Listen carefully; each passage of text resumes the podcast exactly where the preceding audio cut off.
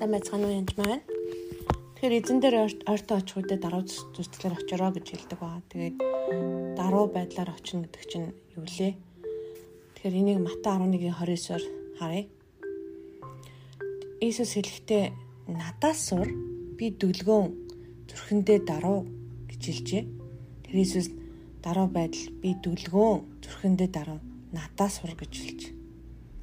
Тэгээ цаашаага Матай 20:27 дээр мөн та нарын дунд хинчин тэргуунд байхыг хүснэ тэр нь та нарын боол болго. Үүнчлэг хүний хүү үйлчлэхийн тулд бус харин үйлчлэхийн тулд мөн олны төлөө амиажлаас болгон өгөхийн тулд ирсэн билээ гэв. Тэгээ Матай 5 дээр 5-ын 3 дээр сүнсэндээ ядуус өрөөлтөө юу? Тэнгэрийн хаажил тэднийх юм. Цааш нь дөлгөөнчүүл өрөөлтөө юу? Тэд дэлхийг өвлөх болно гэжээ. Тэгэхээр үнэхээр энэ дүлгөөн даруй хүн бол үнэхээр дэлхийг өвлөх болно гэж Иесус амласан байна. Тэгэхээр Иесус өөрийгөө бидний багш буюу надаас суралцаасай гэж надаас сур гэж бүр хэлсэн байна. Тэгээд би дүлгөө зүрхэндээ даруй гэжээ. Тэгэхээр энэ даруй байх бол тийм амархан зүйл яг үндэ бол биш. Яагад вэ гэвэл бүр Иесус Христийн сонгосон апостол буюу тэр хүмүүс хажууд нь бүр Иесусээс суралцах боломжтой ойрхон байсан хүмүүс хүртэл даруй биш байсан талаар Лук номын 9-6 дээр гардаг. Тэдний хин нь хамгийн агуу болох тухай маргаан шамнарын дунд өрнө. Харин Иесус зүрхэн дэх бодол санаа мэдээд нэгэн хүүхдийг авч тэрэгдээ зогсон. Хин энэ хүүхдийг миний нэрээр хүлээн авна. Тэр намайг хүлээн авч байгаа юм хин намайг хүлээн авна тэр намайг илгээсэн түүнийг хүлээн авч байгаа юм. Та нарын дундаас хамгийн өчөх нь хамгийн агуу юм а гэж тэдэнд хэлж байгаа. Хажууд байгаа шавнар хүртэл Иесусийн хажууд байж байгаад сонгогдсон хүмүүс шүү дээ мундаг. Тэгэхээр Матай 18 дээр ч гэсэн байдаг. Матай 18:3 дээр үннээр би танарт хэлээ. Та нар өөрчлөгдөж хүүхдүүдтэй адил болохгүй бол Тэнгэрийн хаанчлалд явж орохгүй гэж хэлж. Тэгэхээр бид нарыг үнэхээр ямар байгаасаа гэж Иесус хүссэн бэ гэдгээс анхаартай сонсороо. Тэгээд та бүхний хин нэг нь тэр онгороо ч юм уу дэлхийн байдаг онгороо зам бол зүгээр.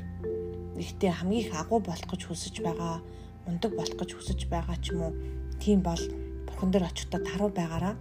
Сүнсний өвд ч гэсэндээ би тэгмээр нэгмэр олныг дагуулмаар байна, босгомоор байна би супер байна намааг хэрэглээч гэл маш олон хүн эсвэтэр итгэлтэй. Яг өндөр бурхан дээр очихдоо давуу зүрс дээр очих хэрэгтэй. Аянда бурхан таныг таны зөвхөн таны хийж чадах тэр ажилд томилдог байгаа. Тэр ажил нь ямар гэдгийг хэлж мэдэхгүй. Ихэнхдээ л бидний чадахгүй ажлыг бурхан өгдөг байгаа. Тэгээд бүр эсрэгээрээ өгдөг шүү. Тэхийн бол битгий хараа. Жишээл худагдаар байсан эмэгтэй олон юм гарч чадахгүй, таван нөхрөө салсан сарнсан тийм байсан. Тэгээд ямар сандал эд халуун тудгаас ус аваа явж байхав те. Бутаас нуугдаад тэгсэн чинь сайн мэдээнд томилоод итгэж чөлөөлөгдөнгүүтээ эмгтээ шууд сайн мэдээнд явдаг байгаа. Тэгэхээр тэрнтэй адилхан би бол хүний зовлон ч юм уу сайн сонсдог тийм хүн биш. Би математик дуртай айлд болох чимээгүй байдаг дууга тийм хөвгтөлтэй. Тэгээд гэтэл чинь би одоо сайн мэдээ яриад библ заагаад Тэгээ хүмүүсийн одоо зөвлөгөө өгдөг ялангуяа зовсон хүмүүст тэ нилээх ярьдаг, ярилцдаг байж байгаа.